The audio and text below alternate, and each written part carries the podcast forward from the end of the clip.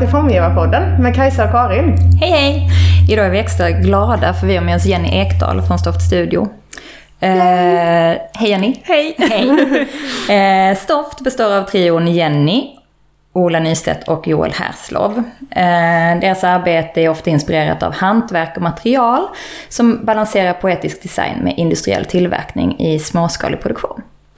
Stoft Studio har blivit tilldelade flera utmärkelser, bland annat Årets designer för, eh, från tidningen Rum 2018.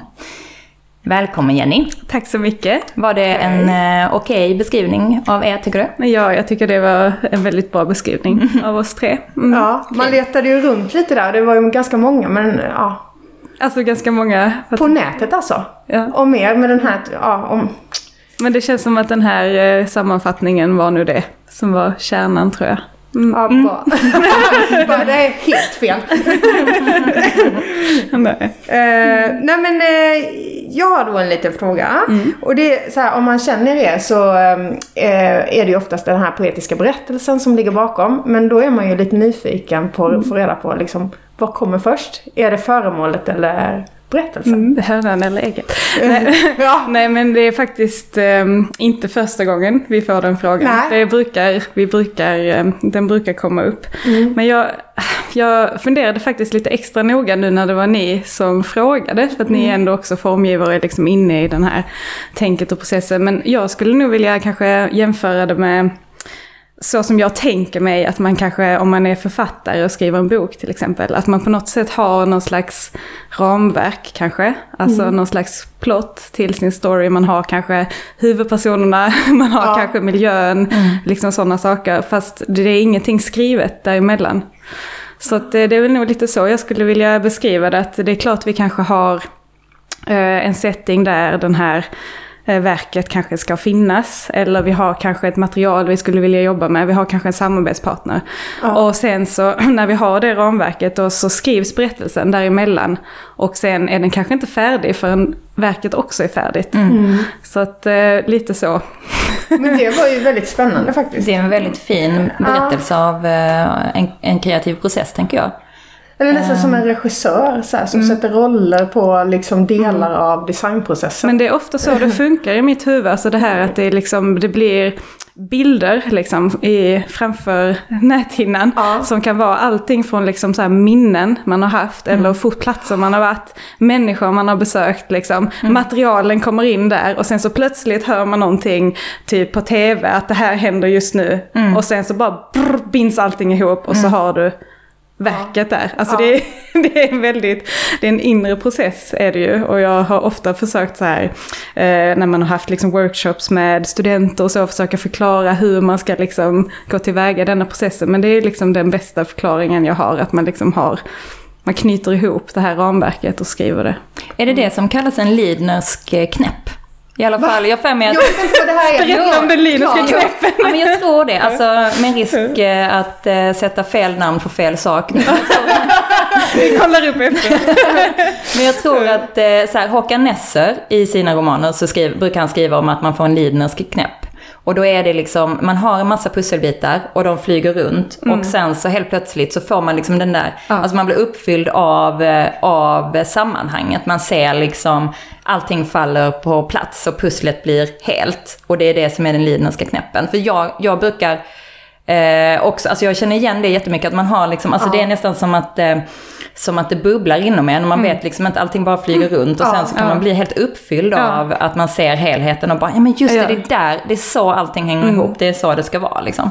Jag tror att det är en lidnadsknäpp. Mm. Får... Väldigt spännande. spännande och det finns ett namn på det. ja, det om det nu är det namnet, men annars kan vi vi kan säga Nu får ni återkomma i nästa avsnitt vad det heter egentligen.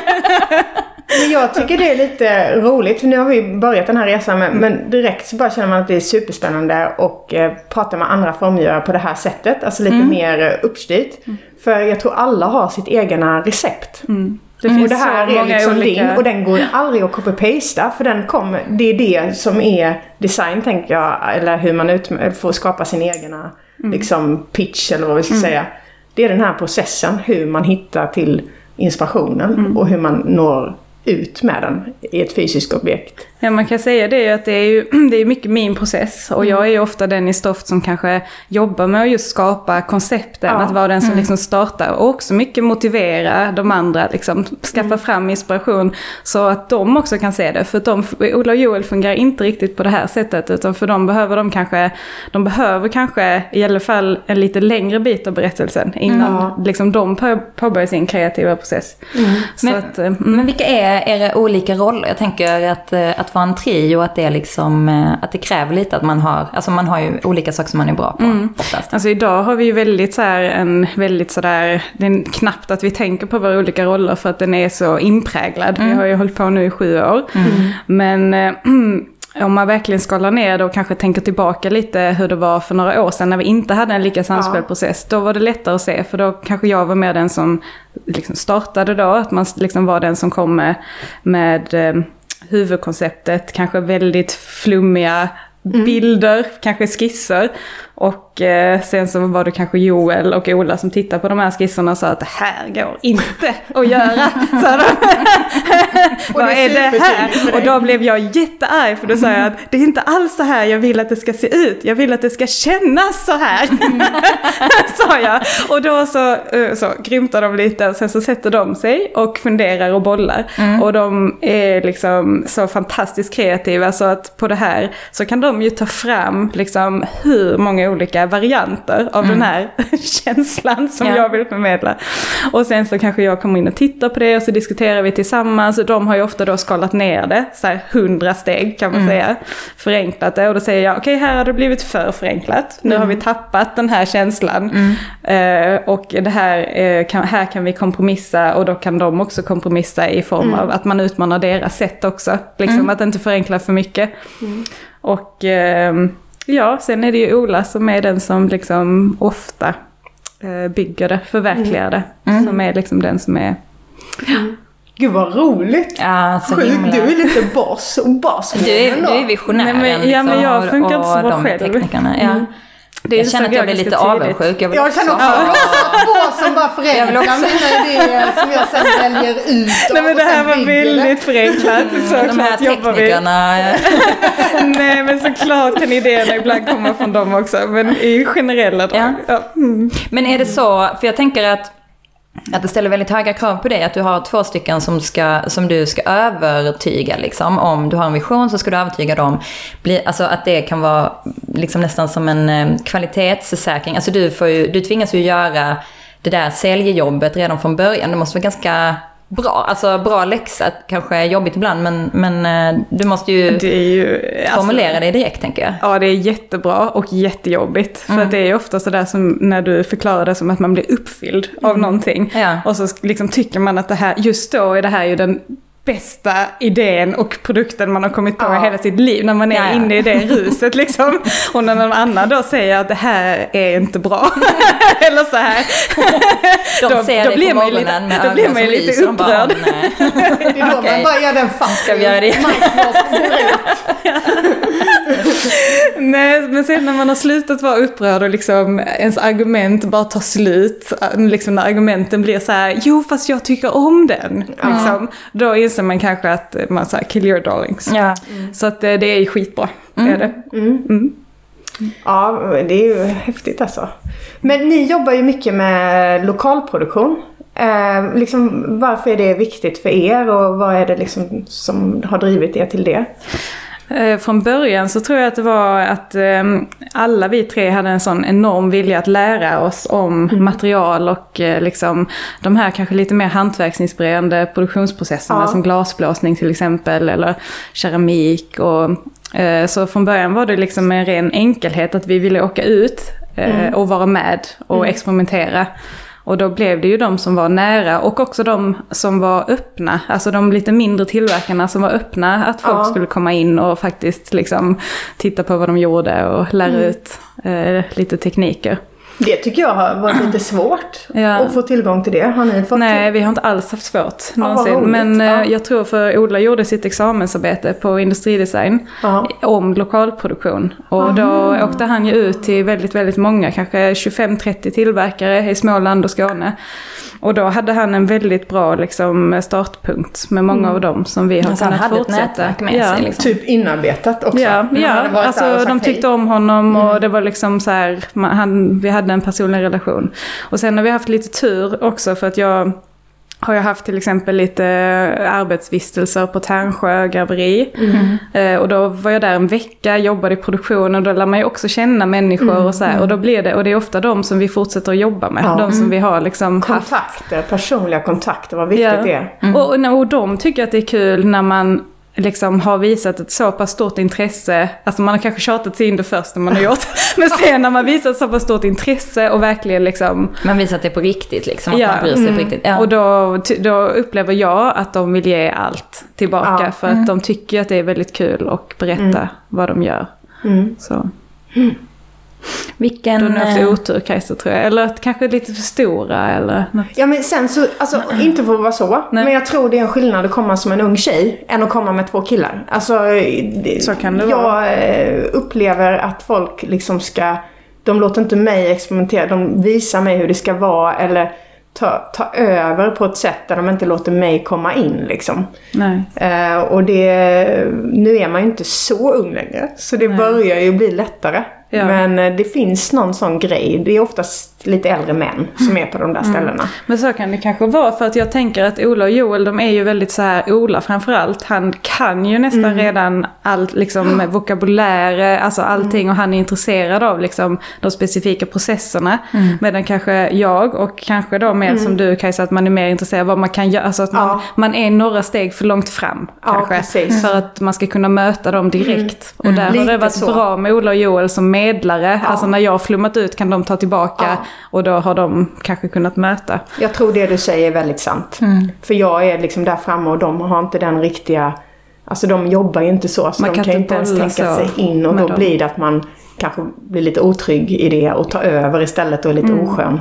Mm. Men jag brukar tycka att, för att eh, en av de grejerna som jag har fått av min pappa det är att jag har lärt mig att prata med gubbar på gubbars ja. sätt. Att det liksom är en sån grej. Eh, på sommarna i Blekinge så brukar vi åka runt, alltså sådär, och hälsa på på olika ställen där man kanske behövde hjälp. Så kanske det mest mm. var att man bara hängde runt lite först och gick och sparkade i gruset lite med dem och snackade lite och sådär. Och sen så brukar man kunna få över dem på sin sida liksom. Mm, mm. Men det är ju lite, det brukar ju vara lite liksom... Eh, det är mycket jargong. Det är lite jargong, att man måste, att man måste liksom jobba in lite så här, mm inte, mm. inte komma med visionen direkt för då blir det liksom för svårt. Ja. Men jag vet vi... vi Man måste ehm, smörja julen lite först. Ja men precis. Så, ja, men... Åh vad duktiga ni är. Åh vad oh, fint ni kan göra. Oj, har ni gjort Hur gör man men, det här? Wow, vad häftigt.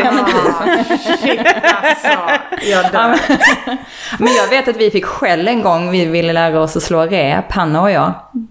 Och det började med att vi fick liksom en uppläxning i att man inte kan lära sig slå rep om man inte är lärling i fem år. men du, den har jag hört jättemycket ja. med, med lädergravningen, med glasblåsningen. Ja, men precis, det är, det är inte ens lönt om ni försöker. Nej. Och, men så får man liksom för, förklara så, men vi har, gått, vi har gått den här utbildningen i fem år, så vi ja. vet att man inte kan lära sig någonting på en vecka, men kan vi få komma och titta och liksom ja. få prova på lite. Mm.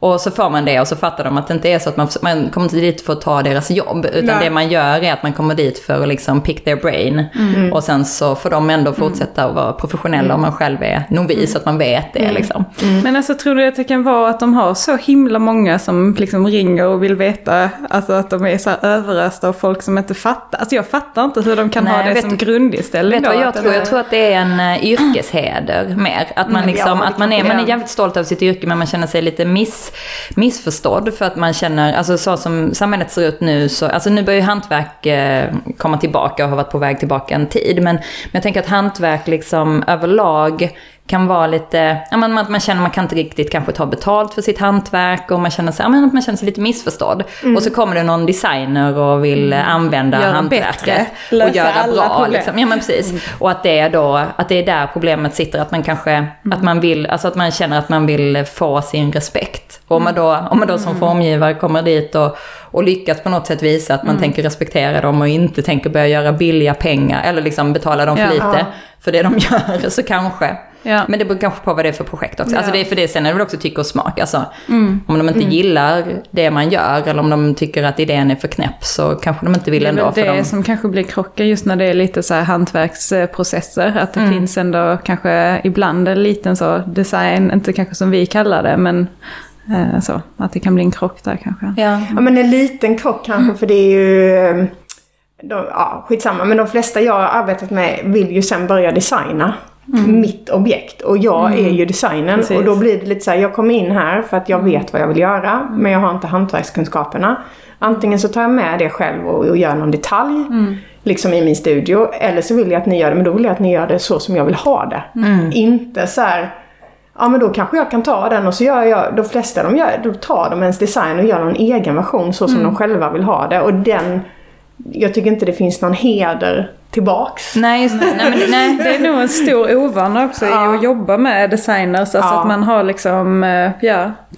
Men jag tänker det liksom eh, som industridesigner som jag är också. Mm. Att det är så här att eh, det är många kanske som tror att det bara är att färgsätta en produkt mm. liksom. Och, Ja, nej men att man, eh, ja, jag har någon på, eh, eh, på ritningsavdelningen som också är duktig på att inreda hemma, som kan mm. rita våra nya produkter. Alltså det är mm. på något sätt en syn att man gör saker själv. Liksom. Ja. Tänk förr i tiden när man kanske kunde vara anställd som konstnär på, mm. liksom ja. i en produktion.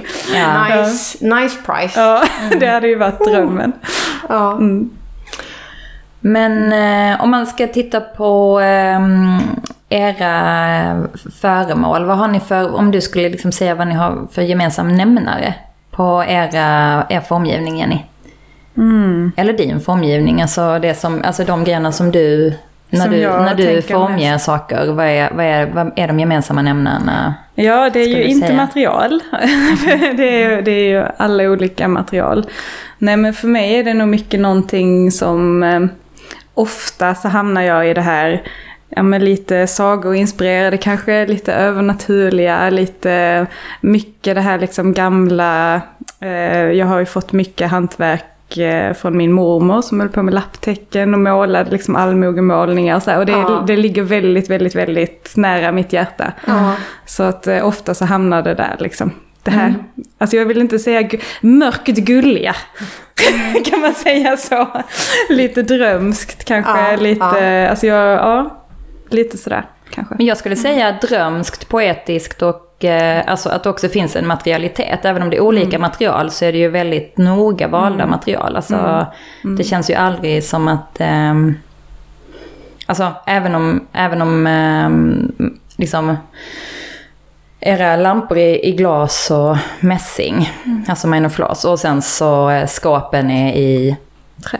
Ja, trä. No, vilket träslag? Det är olika. Ja, men eh, så är de ju ändå, alltså de samtalar ju med varandra och eh, inställningen till material är ju ändå på samma sätt, mm. tycker jag. Mm. Um, ja men det har du rätt i, det är väldigt är, alltså ärligt, det är väldigt, um, mm.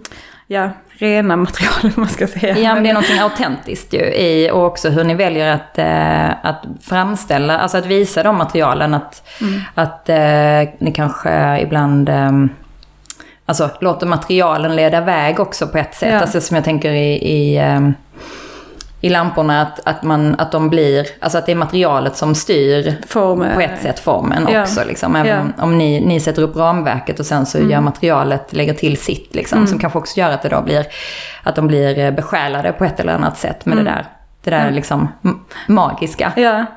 Jo men jag tycker det låter som en, en bra beskrivning. Att det är mycket, men det har nog också att göra med den här viljan att vi liksom vill först lära oss allting mm. om materialet på något sätt. Så det gör ju också att vi kanske inte eh, tillhör de studierna som liksom testar med väldigt mycket olika material, med olika meny, liksom så här. Utan vi har väldigt mycket så här, vi vill lära oss först mm. allt. Mm. och sen gör vi så att, ja. Men det finns ju också det här nordiska, så då tänker mm. jag förknippningen till liksom skogen mm. eller mm. alltså mm. i materialen då som du mm. pratar med. Precis, alltså, och oftast i berättelsen ja. eller det finns någon touch liksom med, ja.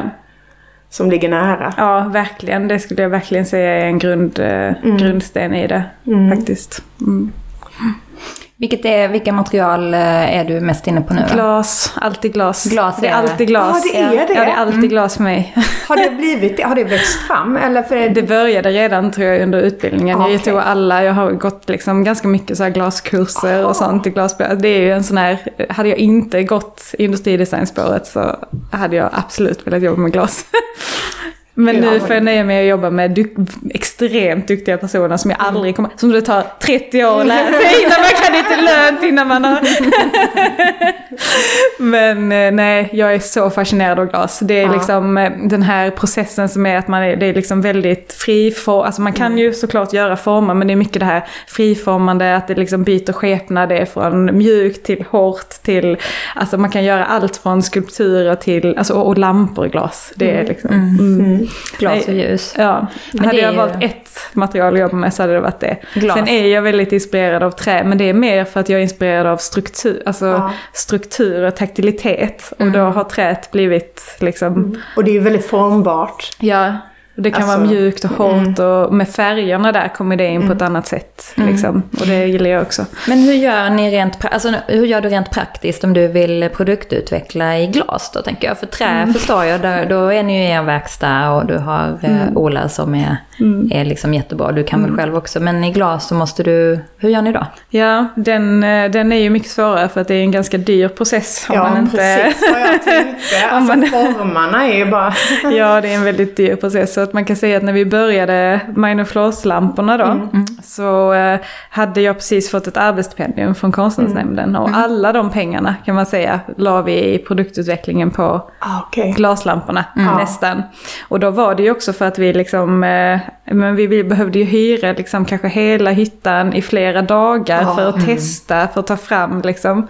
Men vad innebär det om man hyr en hel hytta? Hyr man då en massa arbetskraft också? Eller hur liksom... Ofta brukar man ju, det beror lite på vad man ska göra. Man får ju liksom prata med dem innan. För att, eh, men ofta är det att man hyr en glasblåsare och så kanske har han en assistent. Mm. Mm. Och så fick vi göra i början men nu assisterar vi själva till exempel. Mm. Så det beror på hur mycket man kan och sådär. Mm. Men eh, sen är det om du ska göra extremt stora grejer eller om du behöver liksom vända håll på den här grejen som de blåser så behöver de kanske vara två. Men ofta funkar mm. assistent, det som assistent.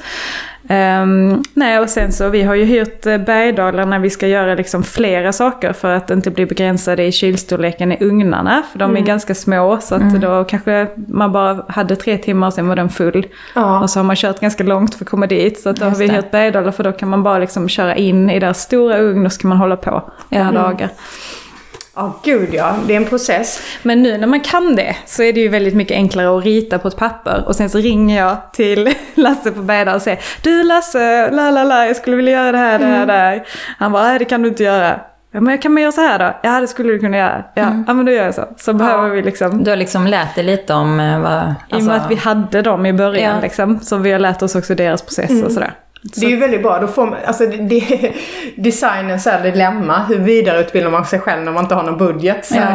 mm. ett, ett, ett, knep då. Ja. Väldigt bra. Dela erfarenheter så att ja. de också får hjälp av er. ja, men tänk om det hade varit så att de här producenterna kanske hade liksom bjudit in att man hade sett det som ja. någon slags investering i mm. sin egen mm. utveckling också. För det är ju faktiskt guld värt att ha någon som förstår ens processer mm. och förstår kanske marknaden och olika som... Mm. mm. Men också att de hade ju, men det är väl det där om det är en vinst för dem. Precis, man kan ju inte räkna det för att de kanske inte vet först. Nej. Precis. Nej, det är vad man vill Det kanske bara blir de fem objekten och så har de investerat asmycket tid till att liksom mm. lösa hela... Ja. Mm. Ja, ja. Men ja, jag har ju en fråga då till er båda. Mm. Eh, och det jag lyssnade på en föreläsning av eh, Alice Rawsthorn. Rawthorn. Rawthorn. eh, på YouTube. Eh, och en av hennes titlar på sliden var då så här, vad kan design göra? Mm. Eh, och då är det min fråga till er. Vad kan design göra? För jag tycker vi är ju i speciella tider nu. Och då får man liksom inte glömma eh, kanske en sån här första grej till varför man fastnade för detta och mm. potentialen med vad design kan göra. Mm.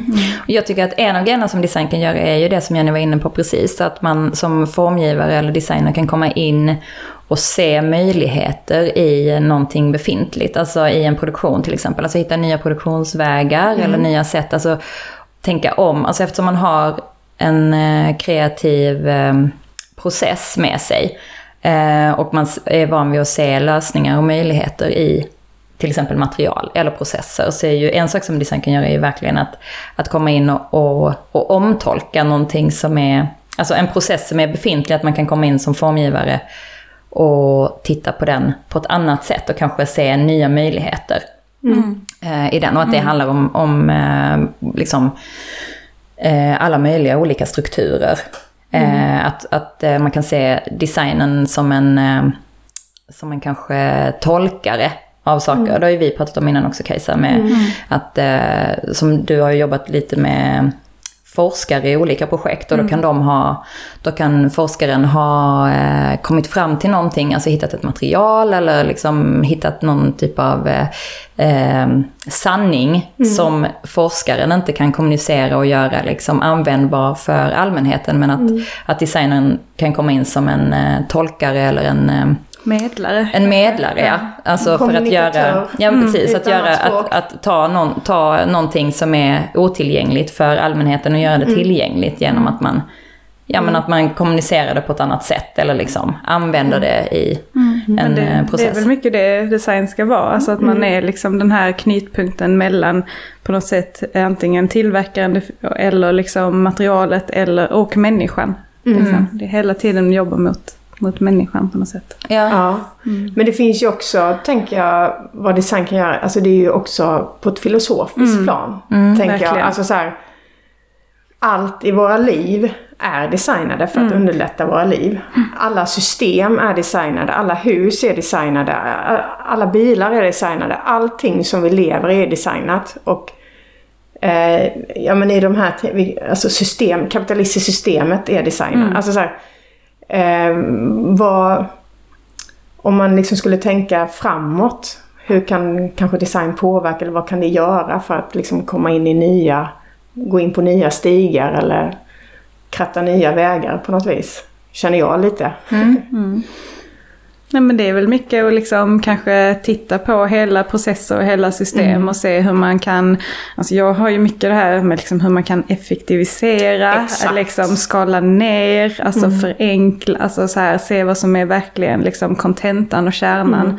Alltså det är ju förmågan att tänka utanför boxen på något ja. sätt. Att man inte blir lika låst i de ramarna som finns utan mm. kanske tänker liksom men eh, frågan är hur man kommer in och designar om en ekonomisk Nej, jag ja, men, Nej, men jag tycker ofta att alltså, min sån här, alltså jag har ju det typ som min sån här grej att design ska vara ett verktyg liksom. Eh, för att lösa ja. små eller stora problem och kommunicera eh, liksom, ja. det som inte går att kommunicera. Kanske i en forsknings-pdf eller vad det nu kan vara. Men att eh, man också hoppas att vi ska som experter att kunna sitta med i eh, liksom, olika sammanhang för mm. att ge vårt, som du säger, vi tänker utanför boxen. Eh, som du sa Jenny, och det här att vi kommer med ett annat perspektiv. Och ihop då med kanske ingenjörer och forskare och någon stadsplanerare så tror jag vi är ju duktiga på det här som du säger också Jenny, mötet med människan. Mm. Den grejen har ju oftast inte kanske ingenjören eller Arkitekten har det huset men de har inte det från möblerna eller glaset till människa. Alltså det är ett steg till vi har. Mm. Eh, plus att vi har våra egna studios där vi har liksom en helhetsbild och en helhetsöversikt. Men vi går också in i detalj för att lösa varje uppgift och gör allting själva. Det är väldigt få tror jag som jobbar som vi gör.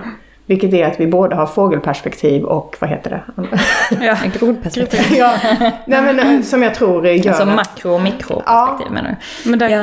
det, eh, det, finns ju till exempel i USA vet jag att de eh, i samband med naturkatastrofer och sådär. Ja. Så FEMA vet jag satt ihop liksom ett team då med liksom från olika, alltså ja. ingenjörer, liksom lärare och där var alltid en designer med också. Mm. För att kunna, och jag tänker också att det är men bara om man tittar på kommunstruktur liksom, så finns det ju kanske en arkitekt med. Mm. Var, varför, varför, finns inte där en Nej. designer mm. till exempel? Alltså det är ju, jag tror man missar den här biten att man jobbar mot människorna. Man, mm. man fastnar i det här som jag pratade om innan, att ska den här vara grön eller blå? Mm. Det har ju egentligen ingenting med Nej. design att göra. Nej.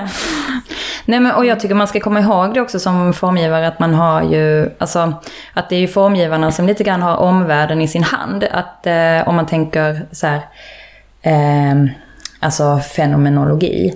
är ju hur saker och ting, alltså hur man uppfattar sin omvärld och hur, hur saker och ting känns mot handen eller mot kroppen eller hur man tr tror att det kommer att kännas.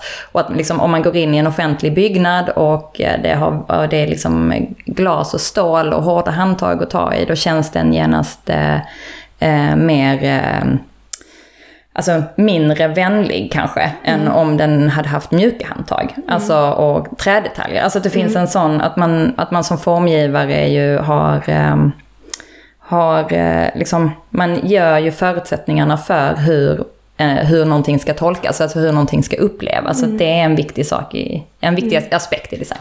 Mm. Men jag var och kollade på eh, Carl-Johan De Geer på Kulturen.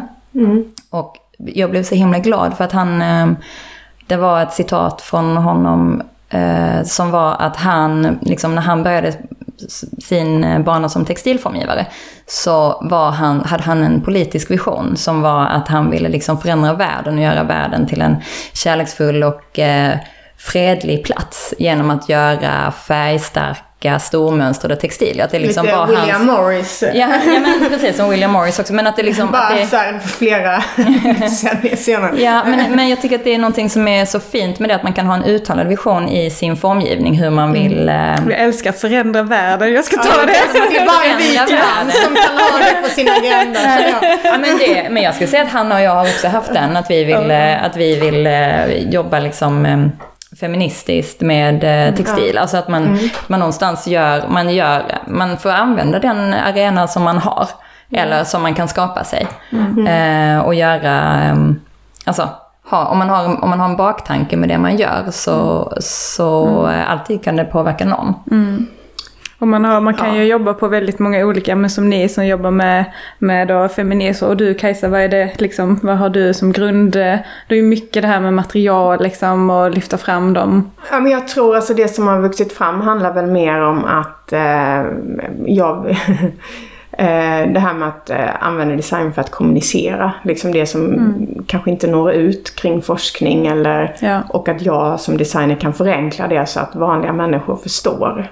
Mm. Typ så. Mm. Inklusive jag själv. Mm. mm. Jag har ju väldigt mycket där att jag, skulle, jag vill liksom visa för människor mycket den här historien som mm. finns och som vi har haft ja. i Sverige. För jag tror att vi kan lära oss väldigt mycket av det när vi mm. tänker på processer i framtiden. Liksom. Det här lite mer långsamma. Så det är mina kärn, alltså jag, jag fastnar alltid, jag åker alltid tillbaka i det. Men det sa ju Leigh Eidelkort, alltså jag tyckte det var en jättespännande, jag såg någon sån eh, intervju med henne och då sa hon så här, jag tror vi måste gå way way back mm. in history. Mm. Eh, för vi har liksom glömt att vi har löst stora delar av klimatet. Om, alltså om vi tittar på det och tar fram, använder det liksom idag. Mm. Saker som vi har glömt, hur vi kanske patenterar utan att det komma ut massa ämnen eller eh, ja, massa andra saker. Alltså att man gjorde vattensystem, alltså så här. Allting har speedats upp liksom. Ja. Det är så här, mm. ja, okej vi, vi, löste detta problemet fast nu har vi tio nya varianter ja. eh, på detta, den lösningen. Mm. Sen så.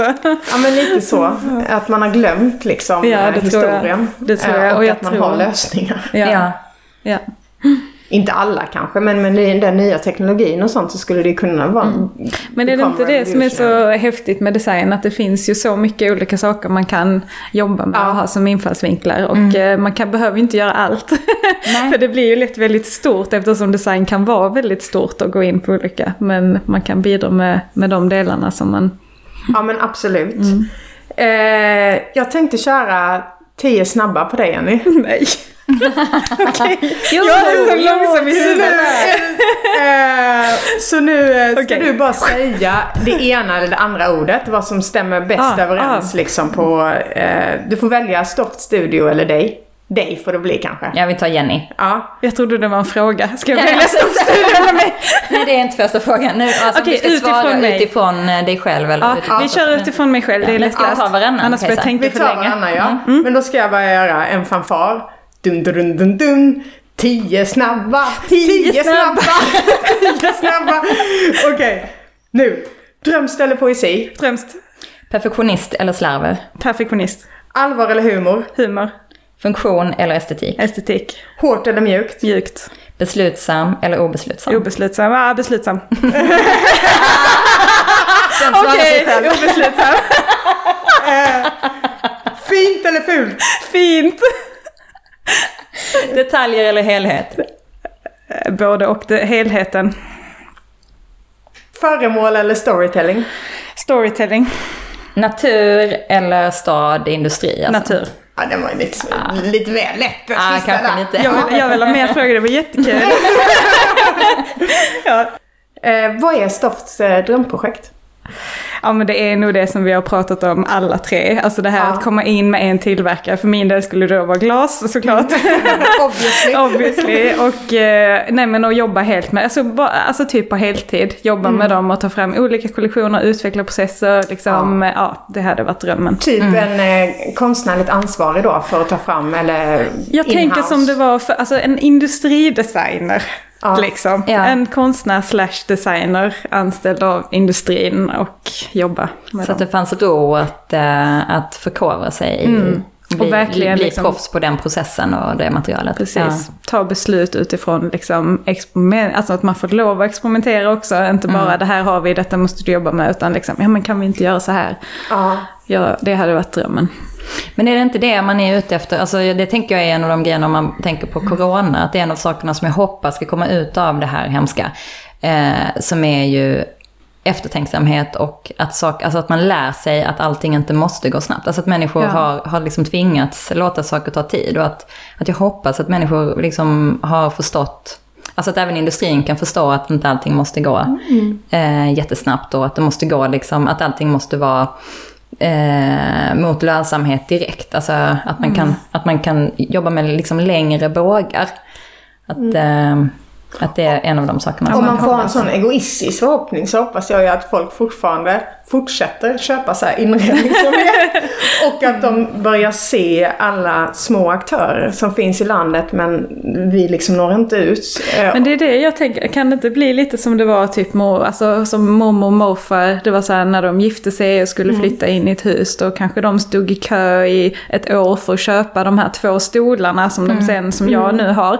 Alltså jag tänker att ja. för att köpa, självklart, alltså folk köper ju massa saker på kanske mm. Ikea, alltså det är ju så här, och det får man ju absolut göra, det är ja. inte det jag säger. Men det är liksom att man kanske får in det här med sparande kanske. Mm. Att man inte bara behöver få det nu. Liksom, mm, ja. Utan att man kanske, mm. ja, men att man kan kanske spara kan och vänta, drömma om saker. Liksom. För att ja. värdesätta det längre, för, för att, att skapa ett affektionsvärde kanske till och med innan objektet har anlänt. Mm.